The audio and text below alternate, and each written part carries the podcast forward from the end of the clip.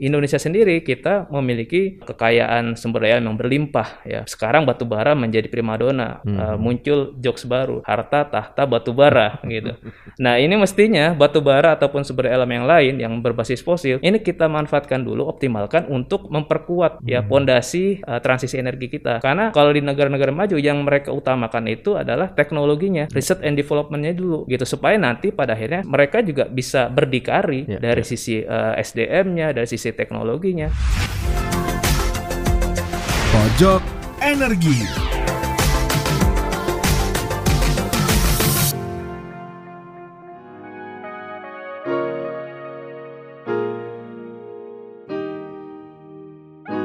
Halo Sobat Bisnis.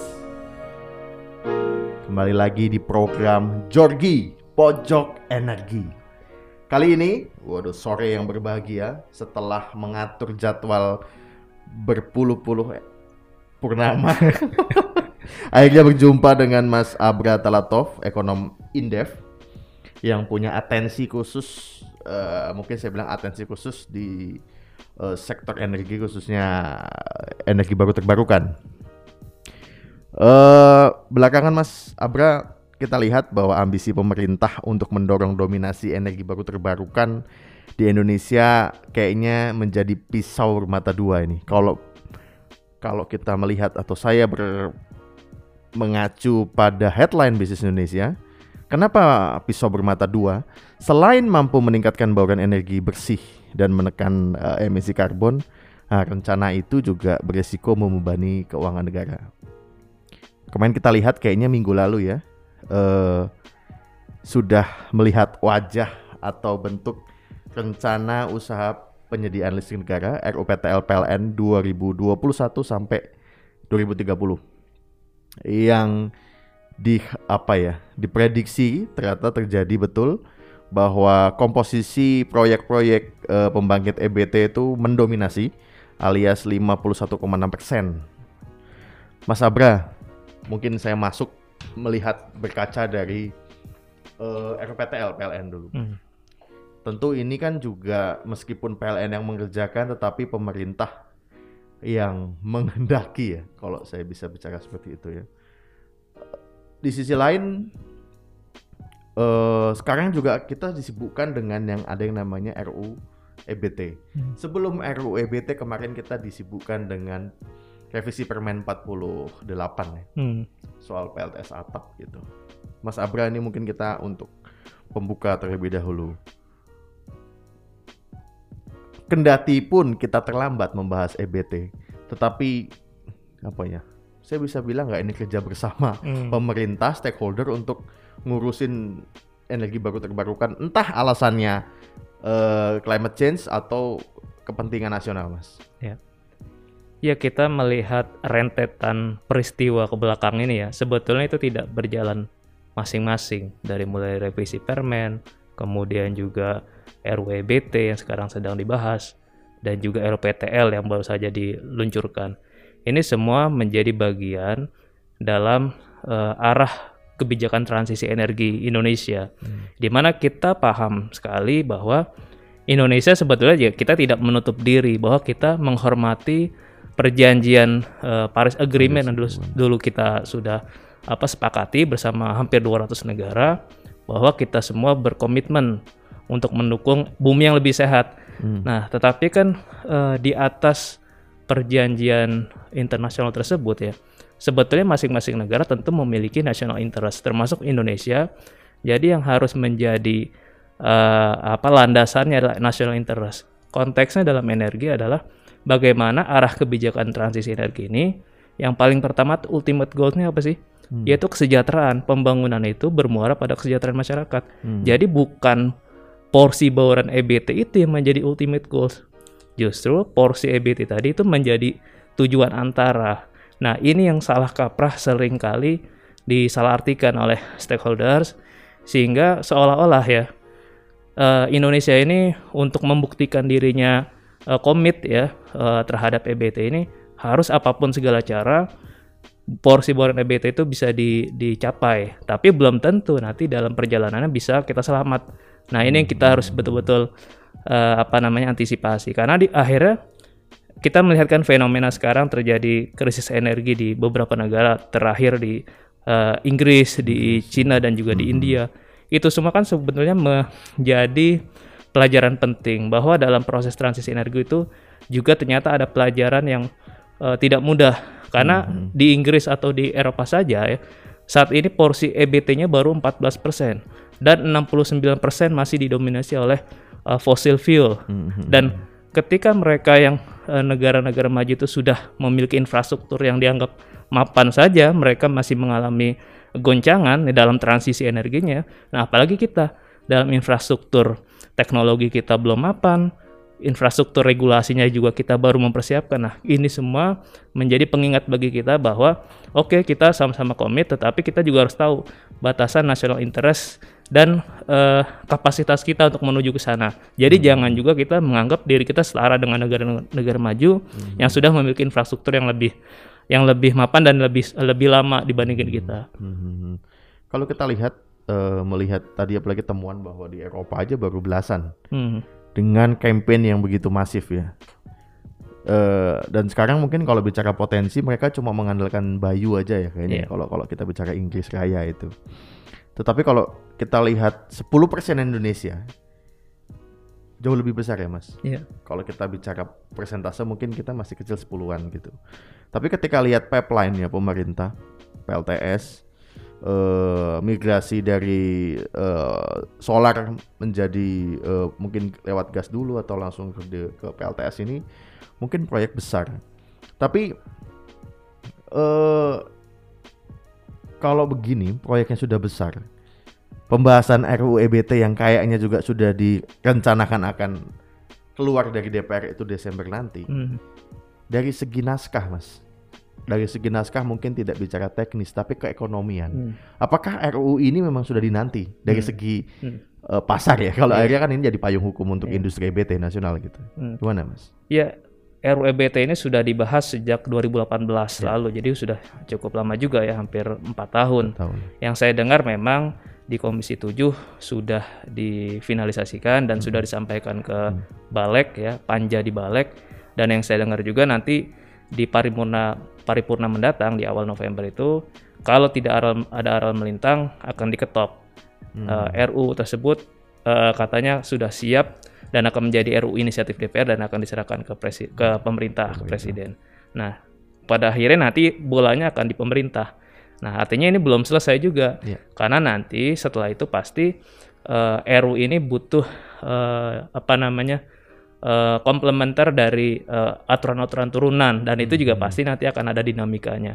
Tetapi paling tidak RUU EBT ini memang menjadi uh, landasan yang sangat uh, dinantikan oleh semua pihak, hmm. baik yang pro EBT maupun yang mungkin masih menganggap ya EBT ini jangan ter, jangan sampai di, uh, apa dibuat uh, sangat ambisius, ambisius, artinya harus hati-hati. Tapi paling tidak dengan adanya landasan hukum yang kokoh ini ini bisa menjadi arah uh, kebijakan kita semakin semakin jelas. Insentif apa yang dibuka oleh pemerintah baik hmm. insentif fiskal hmm. maupun non fiskal dalam pengembangan EBT ini terlihat uh, jelas di dalam uh, draft RUU ini, ini saya pikir sudah menjadi lompatan besar juga dalam kebijakan uh, EBT kita ke depan. Tapi kalau mungkin dalam perjalanan Mas uh, Abra dan Indef juga sudah nengok-nengok draftnya yang dari hmm. DPR itu sudah ideal Mas. Apakah sudah ideal sebagai payung hukum perdana ya. Hmm. Ini fresh ya, yeah. tidak tidak revisi tetapi fresh. Yeah. Sudah cukup mengakomodir kepentingan semua pihak.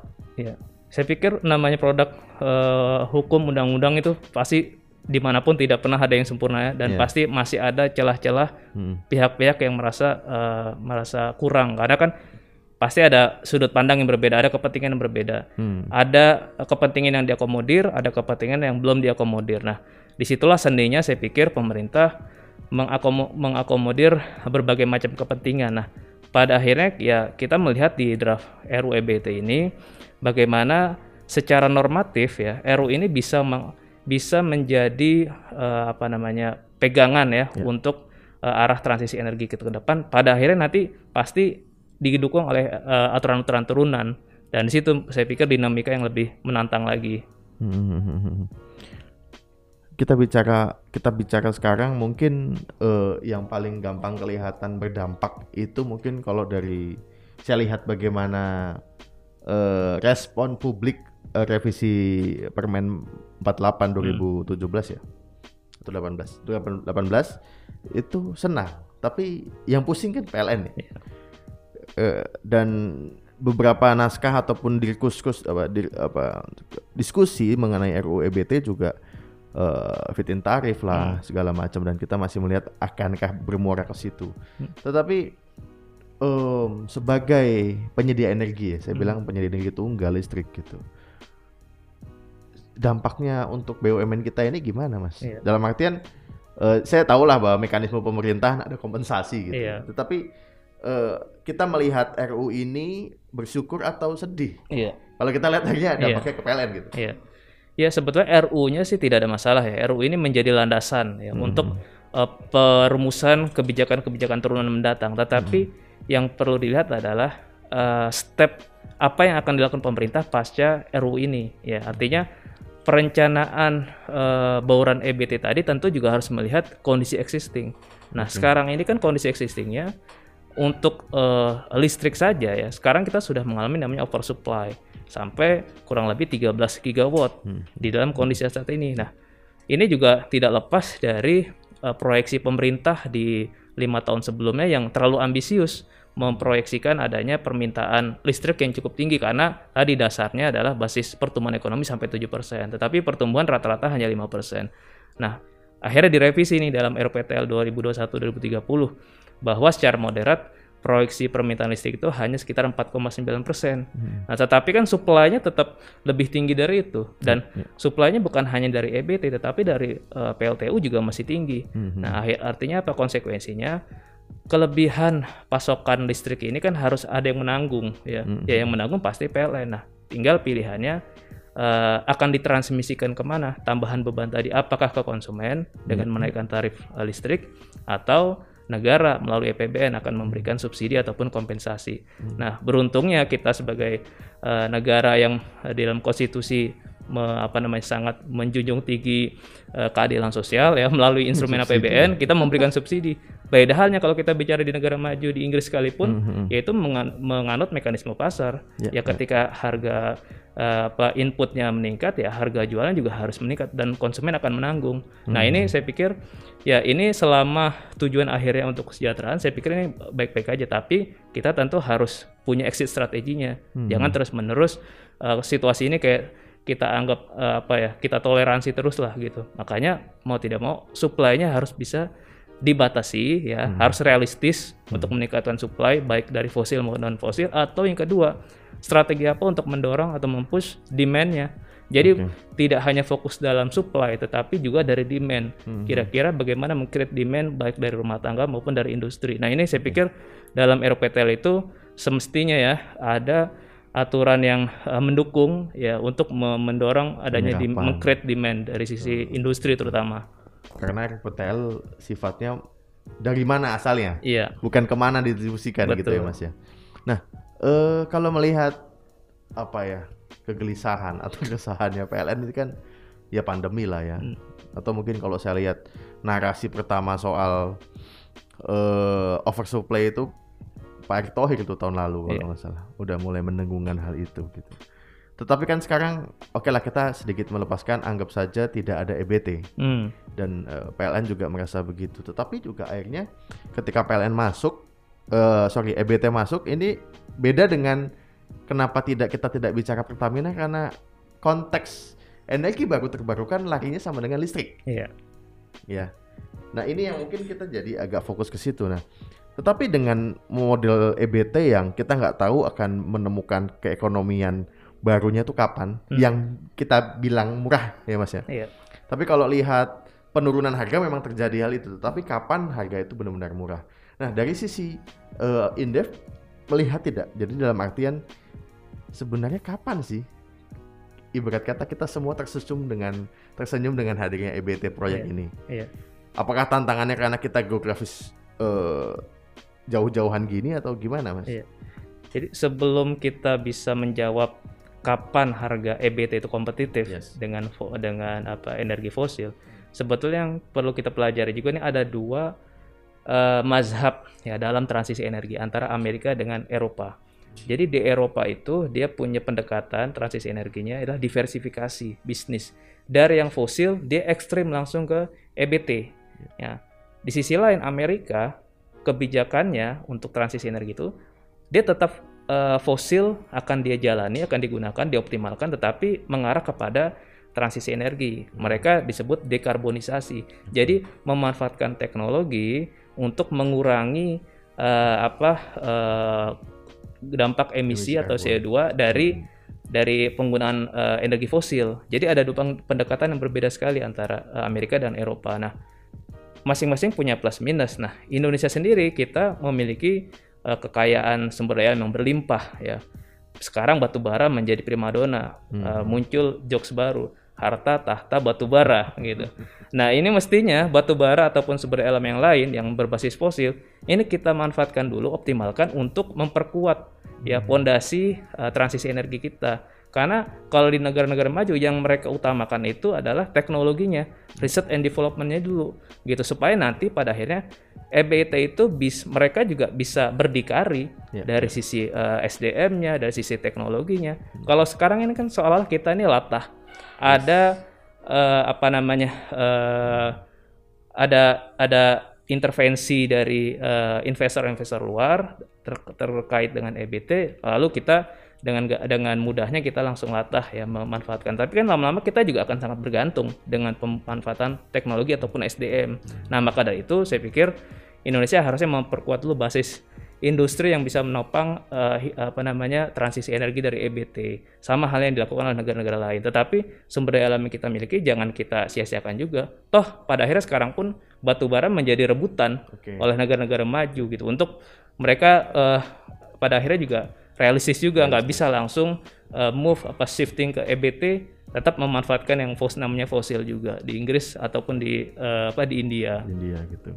Tapi kalau kita lihat uh, akhirnya sebenarnya kalau dari penjelasan Mas Abra tadi saya ngambil satu titik itu sebenarnya untuk Indonesia idealnya kita transisi. Hmm. Tidak langsung shifting ke apa ya bahasanya? migrasi ke ke EBT karena gasnya juga belum dimanfaatkan ya. dalam artian dan sekarang kalau gas jadi listrik juga jauh banget kalah dengan mungkin dibandingkan dengan EBT sama-sama mahal ya kalau hmm. dengan harga sekarang yang yeah. lagi lagi volatile seperti hal ini. Nah, bagi Indonesia yang punya anggapan bahwa energi pendulang penerimaan negara ini hmm. tambah kompleks lagi, mas. Hmm. Nah, sebenarnya kita sudah siap nggak sih dalam arti uh, uh, apa ya? Apa penerimaan negara bukan pajak itu semacam bukan andalan tapi garis depan ketika kinerja itu disampaikan. Iya apalagi sekarang batu bara segitu harganya yeah. uh, minyak juga 72 barrel uh, dolar barrel gitu. Tahun ini bakal tersenyum Bu Sri Mulyani atau hmm. mungkin Pak Arif Tasrim gitu. Yeah. Tapi satu sisi kita pengen EBT gitu. Yeah. Nah, ini yang sejujurnya saya juga saya juga agak-agak gelisah. Ini dari sisi mana kita akan berjuang habis-habisan untuk EBT, tapi kita menikmati. Yeah. Nah, ke depan kita masih bisa menikmati hal ini nggak sih, Mas? Mm -hmm. Penerimaan negara bukan pajak dari EBT ini. Mm -hmm. Apakah karena kan tidak bisa ekspor yeah. ya? Iya. Gimana tuh mas? Bisnis di EBT iya. ini akhirnya ke depan? Iya tadi karena EBT orientasinya adalah me, sebagai instrumen ya yes. untuk membuat bumi lebih sehat ya, hmm. untuk mengurangi emisi gas rumah kaca. Dan karena sekarang juga biaya investasinya masih tinggi, justru untuk jangka pendek bukan menjadi sasaran penerimaan, ya. justru bagaimana sekarang investor ditarik ya yeah, uh, supaya yeah. mereka uh, berminat investasi dengan memberikan insentif baik mm-hmm. fiskal maupun non fiskal dan bahkan uh, muncul juga desakan agar supaya mereka kompetitif yang sumber energi fosil ini yang selama ini diberi dianggap diberikan subsidi terselubung misalkan dengan DMO atau kompensasi yeah. itu dicabut ya agar uh, terlihat masyarakat bisa melihat. Nah, tetapi kan ini enggak istilahnya enggak kalau dalam konteks uh, kita peran negara untuk menyediakan energi yang berkeadilan ya ini nggak tercermin karena tadi hmm. pendekatannya sudah berbeda. Hmm. Nah oleh karena itu ya kita mendorong supaya transisi EBT ini berjalan dengan smooth dengan memperkuat fondasi industrinya dulu. Okay. Ya, ya. Kita dengar hari ini uh, apa namanya swasta yang masuk di misalnya di PLTS atap itu sudah sangat terbuka sekali, tetapi kan kita tahu uh, komponennya juga masih mayoritas masih impor TKDN-nya. Nah kalau misalkan pemanfaatan PLTS atap ini yang semakin masif, tetapi ternyata masih uh, bergantung dengan produk-produk impor. Nah, pada gilirannya nanti apakah ini akan menggambarkan uh, bukan menggambarkan ketergantungan terhadap hmm. uh, negara lain juga kan sama juga. Makanya itu semestinya uh, uh, windfall uh, profit yang dari SDA sekarang termasuk batubara itu direalokasikan oleh pemerintah untuk investasi di hmm. sektor EBT, di industri EBT-nya. Okay. gitu. Bahkan kan sekarang sudah ada carbon tax, kemudian ada wacana nih baru wacana uh, kenaikan royalti untuk PNBP, artinya untuk lebih mendapatkan cuan yang lebih besar ya. Bu Sri Mulyani makin tersenyum, tetapi tadi lagi-lagi hasil dari uh, penerimaan sumber daya alam ini harusnya fokusnya tadi untuk mengembangkan fundamental industri di EBT gitu. Jangan lari ke mana-mana gitu. Jangan uh, untuk kereta cepat dan sebagainya gitu. Jadi harus fokus juga. Iya jadi uh, kalau lihat tadi udah nyinggung pajak karbon ya. Iya. menurutku pajak karbon juga jadi isu lain lagi mas. Iya. dari sisi energi kan penyumbang apa? Emisi karbonnya 30% lah ya iya. overall. Oke dan dari energi lagi kita bedah lagi transportasi listrik juga masih lebih kecil lagi. Tapi kok salah nggak ya semuanya menyalahkan sektor energi ya. Hmm. Padahal ada sektor lain yang kayaknya juga perlu perlu dipikirkan iya. baik-baik iya. gitu. Nah, tapi kalau kita bicara uh, pajak karbon sekarang ini, uh, yang apalagi dalam kalau aku lihat draftnya tuh yang Bu Ani marah karena bocor itu lebih tinggi ketimbang yang diketok mas. Hmm. Mm -mm. Itu juga isu jadi isu lagi. Iya. Kenapa kita lebih murah dari Singapura?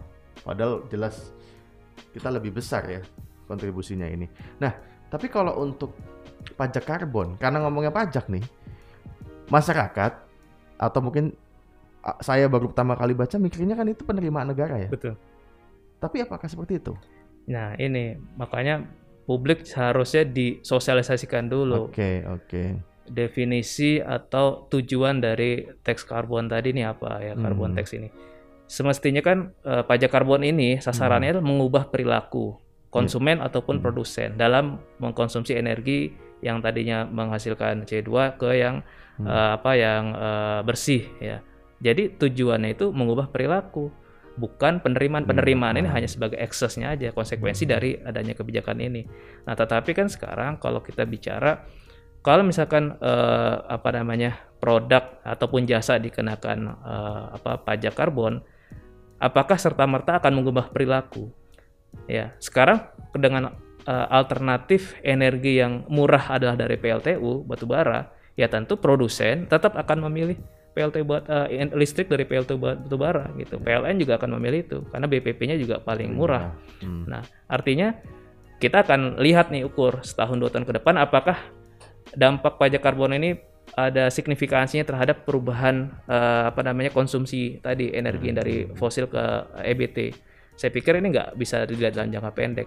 Justru yang harus kita uh, cermati adalah jangan sampai pajak karbon ini justru akan berdampak terhadap daya saing industri kita. Okay. gitu karena kan nanti akan bertransmisi kepada kenaikan biaya produksi. Hmm. Nah, kenaikan biaya produksi industri kita apakah nanti kita siap ketika dihadapkan di persaingan global hmm. ataupun di pasar domestik. Hmm. Kemudian konsumen juga nanti apakah akan menanggung beban dari pajak karbon ini berupa hmm. kenaikan harga barang gitu. Dan ini ya, pemerintah harus melihat secara utuh juga. Memang kalau kita lihat dari aturannya, dari undang-undangnya, ini ada transisi kan uh, untuk tahun depan memang di istilahnya di exercise yeah. di dalam untuk pembangkit dulu PLTU dulu baru setelah 2025 nanti akan diperluas ke sektor-sektor lain. Hmm. Nah, tapi kita harus ingat bahwa uh, eh, PLTU atau energi ini juga punya multiplier atau efek domino juga ke sektor-sektor lain yeah. gitu. Dan kita harus belajar juga pengalaman negara-negara lain yang pernah atau sedang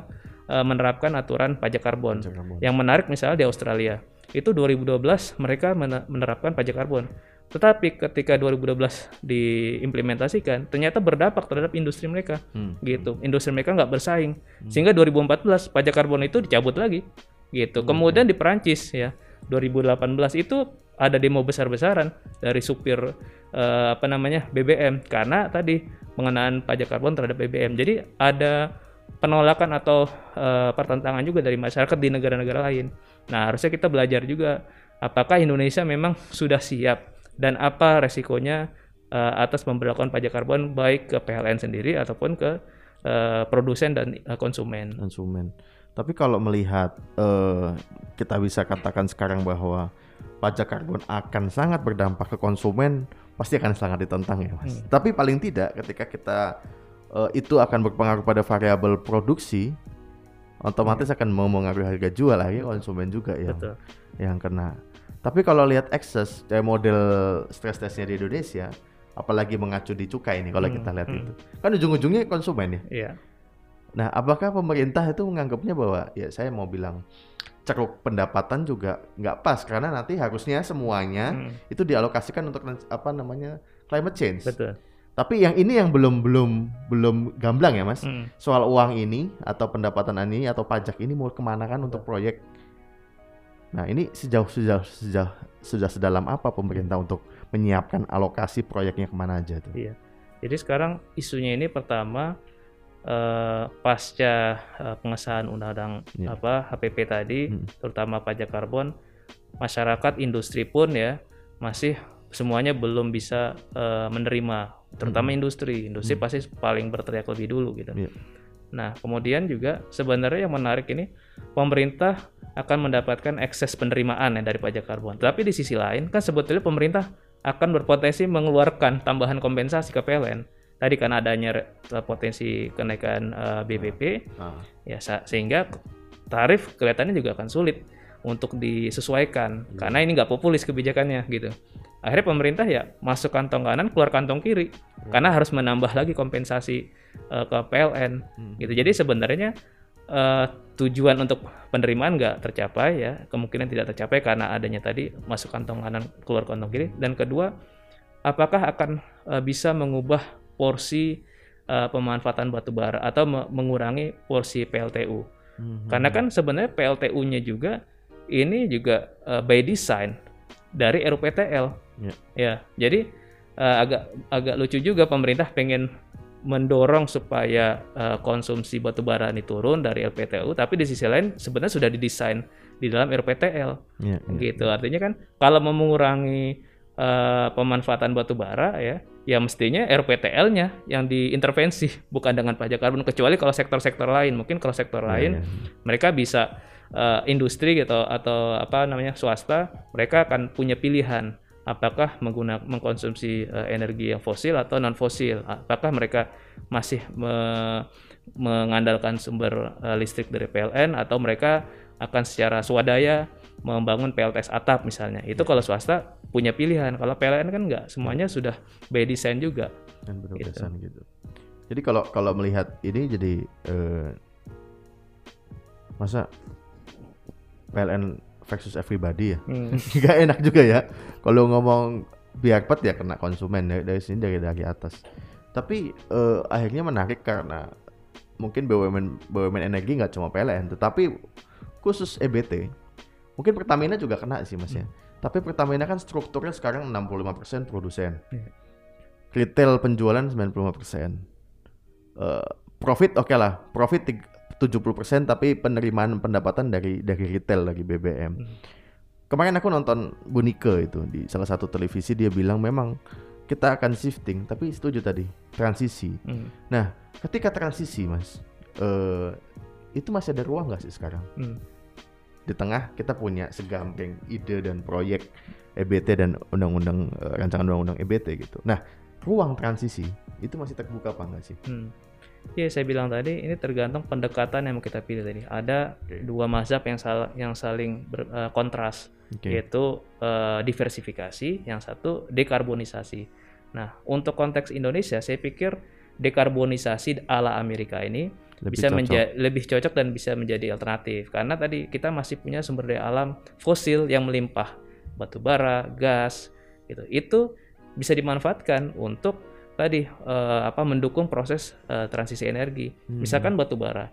Ini kan juga uh, akhirnya salah satu instrumen untuk mengarah ke EBT misalkan PLTU dengan menggunakan co-firing, uh, co-firing ya. kemudian juga hilirisasi batu bara, ya, DME. Ya. Hmm. Itu sebetulnya menjadi strategi hmm. untuk tetap memanfaatkan eh, yang fosil. Hmm. Dengan pemanfaatan teknologi bisa mengurangi ekses Hmm. emisinya gitu. Iya, iya. Nah, itu saya pikir eh, secara gradual kita bisa mengarah ke sana. Artinya ruang untuk eh, meningkatkan eh, porsi EBT masih ada gitu. Kita nggak yang langsung eh, apa namanya kontras dari yang fosil ke non fosil tanpa ada apa namanya strategi antaranya. Belum lagi ditambah dengan pembangkit PLTU-nya diganti super kritikal semua. Heeh. Itu lain. Jadi jadi memang akhirnya Cina aja kemarin beberapa tahun lalu declare gede banget ya, Iya. Mas. Jadi kalau baru dibangun sekarang kan 20 tahun lagi kan. Iya. Usia mungkin pembangkit 20 tahunan lah ya. Jadi sebenarnya demand untuk batu bara juga nggak bakal cut loss ya. Mm-mm. Betul. Apalagi dengan untuk proyek 35 ribu kan sampai 2005 mas, 2025 masih COD tuh. Iya. Nah, akhirnya ini kita kita nggak latah kan mas. Mm-mm.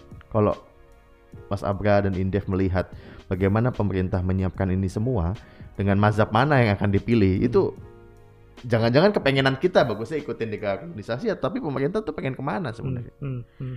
Karena menurut saya eh, orkestrasi EBT belum kelihatan. Iya. Gimana mas? Ya ini, jadi kesannya sekarang ini memang yang muncul adalah tarik menarik pro atau tidak pro EBT. Masih di Iya, situ. Di situ. Kita bicaranya seolah-olah ya dengan kita mengatakan kondisi existing sekarang kita oversupply, Nah, ya kemudian kita juga dari sisi teknologi dan SDM kita belum siap. Iya iya. Seolah-olah dengan mengatakan itu kita eh, apa kontra dengan EBT.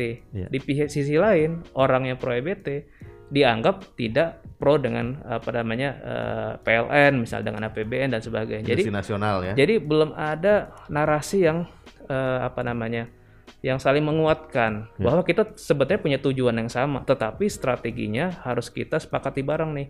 Gitu bukan zero sum game, bukan salah satu pihak yang menang satu kalah, tapi bagaimana dua-duanya bisa berjalan, bisnisnya bisa bisa berkembang, tetapi Hmm. tadi punya eh, sasaran yang sama, tetapi strateginya harus disepakati. Nah ini saya pikir kita akan menguras energi yang cukup banyak nih kalau kita seolah-olah nih selalu berbenturan antara Hmm. satu pihak dengan pihak lain Iya iya iya iya. iya. gitu kan. Semakin banyak kita berbenturan maka semakin banyak kita bertemu Mas Abra. Tapi oke Mas, aku nih aku masuk closing. Eh beberapa tahun lalu mungkin 2014 ada namanya RIPIN, Hmm. rencana induk industri nasional. Lalu hilirisasi Iya. komoditas yang akhirnya digaungkan lagi nikel baterai. Tadi juga Mas menyinggung soal industri nasional. Hmm. Sementara komponen-komponen PLTS masih dari luar. Kita saya lebih mudah melihat narasi pemerintah soal kendaraan listrik, Mas. Hmm. Skema bisnisnya itu lebih kelihatan. Meskipun tetap masih ada yang bolong-bolong gitu. Tapi EBT ini masih eh, bukan dibilang random tetapi eh, kita mau form PLTS atau ini apa. Dan pemerintah sebenarnya sudah mengerti potensi dan mana yang akan dieksplor gak sih, Mas? Hmm. Kalau PLTS kan intermittent ya, Iya. jadi masalah lagi gitu. Sementara geothermal pun debatable itu EBT atau bukan. Iya. Nah, gitu. Sementara potensi itulah yang di kita. Atau pendekatan yang seperti dilakukan PLN sekarang. Hmm. Ya udah yang yang jauh-jauh aja lah, yang udah emang dasarnya nature-nya mahal, Hmm. di situ aja dibikin Iya. mahal. Tetapi yang sudah seperti Jawa segala macam ini, biarlah tetap menggunakan ini. Kalau ngeliat Indonesia, eh, kita berkaca lagi dari komunisasi atau langsung shifting gitu. Kalau menurut oh apa ya, eh, opini saya adalah mungkin berbeda-beda di satu tempat Hmm. tempat yang lain ya. Hmm. Bagaimana Sulawesi Utara EBT-nya jagoan banget. Iya. Ya Pulau Sulawesi lah. Ke depan, Mas. Kompleksnya semakin banyak akan akan apa ya? Kita disibukkan itu akhirnya EBT ini untuk siapa? Hmm. Gitu. Kalau Iya. Mas lihat selama ini kalau saya lihat akhirnya kalau eh, pemerintah bilang proyek eh, fosil tidak dapat pendanaan. Hmm. Dapat pendanaan sama dengan investasi sama dengan ini. Tapi kalau lo ngomong murah, Hmm. premium hilang mas Iya. pertalite nanti naik atau apa itu resistennya tinggi Iya. Harga listrik naik 5 Betul. lima rupiah naik resisten sekali mas nah kebijakan nasional kalau saya bilang apa ya pas nggak ya kebijakan nasional kita Iya. tuh bisa ke mana Iya. mas Abra Ya ini kembali lagi ke orientasi utamanya dari kebijakan uh, transisi energi ini. Semua pihak harus apa punya pemahaman sudut pandang yang sama, yaitu kesejahteraan. Nah, kesejahteraan itu tujuan akhir ya. Kesejahteraan itu baik konsumen maupun produsen. Ya, produsennya tentu harus punya daya saing yang kompetitif ya. Nah, pendukungnya kan salah satunya energi, sumber energi yang kalau dari sisi kacamata lingkungan adalah yang uh, bersih, tapi juga harus yang terjangkau gitu dan berkelanjutan. Artinya dia tidak sekarang ada uh, nanti nggak ada gitu dalam yeah. konteks ini misalnya intermittent. Jadi pengembangan uh, energi ini juga salah satunya harus berbasis base load gitu. Nah uh, dengan dengan uh, sudut pandang itu saya pikir pengembangan EBT ini ya itu bukan hanya uh, apa istilahnya harus di uh, ambisi ya, harus diambisi harus tercapai hmm. tanpa melihat kemampuan kita. Okay. Kalau bahasa sederhana saya ya, ini dikaitkan dengan pendapatan per kapita juga.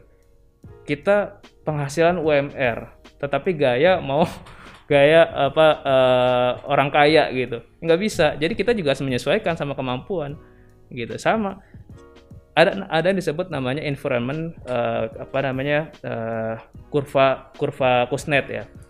Jadi kurva Kuznets itu membandingkan antar negara bahwa negara ketika ingin berorientasi pada aspek lingkungan, dia harus memajukan menomorsatukan ekonominya dulu. Kita ekonominya belum berkembang, teknologinya belum kita kembangkan, sudah mau lingkungan gitu. Kalau negara-negara maju, mereka wajar ya sudah melihat aspek lingkungan karena mereka sudah menikmati Pak modalitas pembangunan dia di di tahun-tahun sebelumnya bahkan hmm. di Eropa tuh ratusan tahun sudah menggunakan PLTU yeah. gitu dan hasilnya sudah mereka nikmati berupa SDM dan juga infrastruktur. Nah kita Indonesia baru negara belum satu abad merdeka ya starting pointnya berbeda dengan negara maju tentu kita harusnya punya uh, apa namanya justifikasi sendiri untuk memanfaatkan sumber daya yang kita miliki dulu untuk mendukung uh, transisi EBT tadi. Dan narasinya harus kita kita samakan dulu nih, gitu. Jadi bukan hal yang di, harus kita polarisasi lagi, yes, bukan yes. hanya politik, tapi EBT ini juga saya pikir saat ini energi kita terkuras dalam polarisasi. Kalau salah ini kita uh, pihak yang saling berhadapan-hadapan, padahal kita tujuannya sama. Iya, iya, gitu. iya jangan sampai kelihatan dalangnya bingung, wayangnya bingung. Iya. Tapi yang jelas tadi, uh, Mas Abram mau mention beberapa kali bahwa tergantung tujuannya ke mana. Iya. Kalau anda yang bicara berarti asumsi saya anda belum tahu arah pemerintah ke mana. Iya. Saya minjem mulut Mas Abram aja ya. Kira-kira begitu. Nah, uh, lalu tadi juga disebutkan bahwa kita UMKM tapi bicara ngomong mobil listrik atau bilang-bilangnya Tesla gitu. Iya. Kira-kira langsung ke situ iya. Uh, kita punya mimpi besar tapi melangkah dengan realistis. Kira-kira gitu untuk EBT. Thank you Mas Abra untuk uh, waktu hari ini. Kita masih menunggu uh, proses banyak hal tentang uh, pengembangan EBT, uh, perubahan iklim, kebijakan pajak karbon, ekspor karbon. Yeah. Kayaknya ada tuh Mas. Yeah. Balai Perdagangan yang akan disiapkan. Kemarin saya uh, kami wawancara Pak Lutfi hmm. mendak bahwa bagus kalau ada stok mengenai karbon. Iya menarik juga ya. Nah itu juga isu lain ya mas. Iya, Jual beli trading karbon itu. Nah ke depan banyak hal yang mesti kita diskusikan untuk uh, isu-isu lingkungan ini yang sepertinya kita sudah hadapinya sehari-hari. Isu lingkungan bukan hanya datang di era 2019, 2020 atau sekarang, tapi juga sudah terjadi beberapa waktu yang lalu. Oke, sampai jumpa di Jorgi berikutnya dengan tamu-tamu saya yang lain. Mas Abra, thank you. Sukses Mas. Thank you Mas David.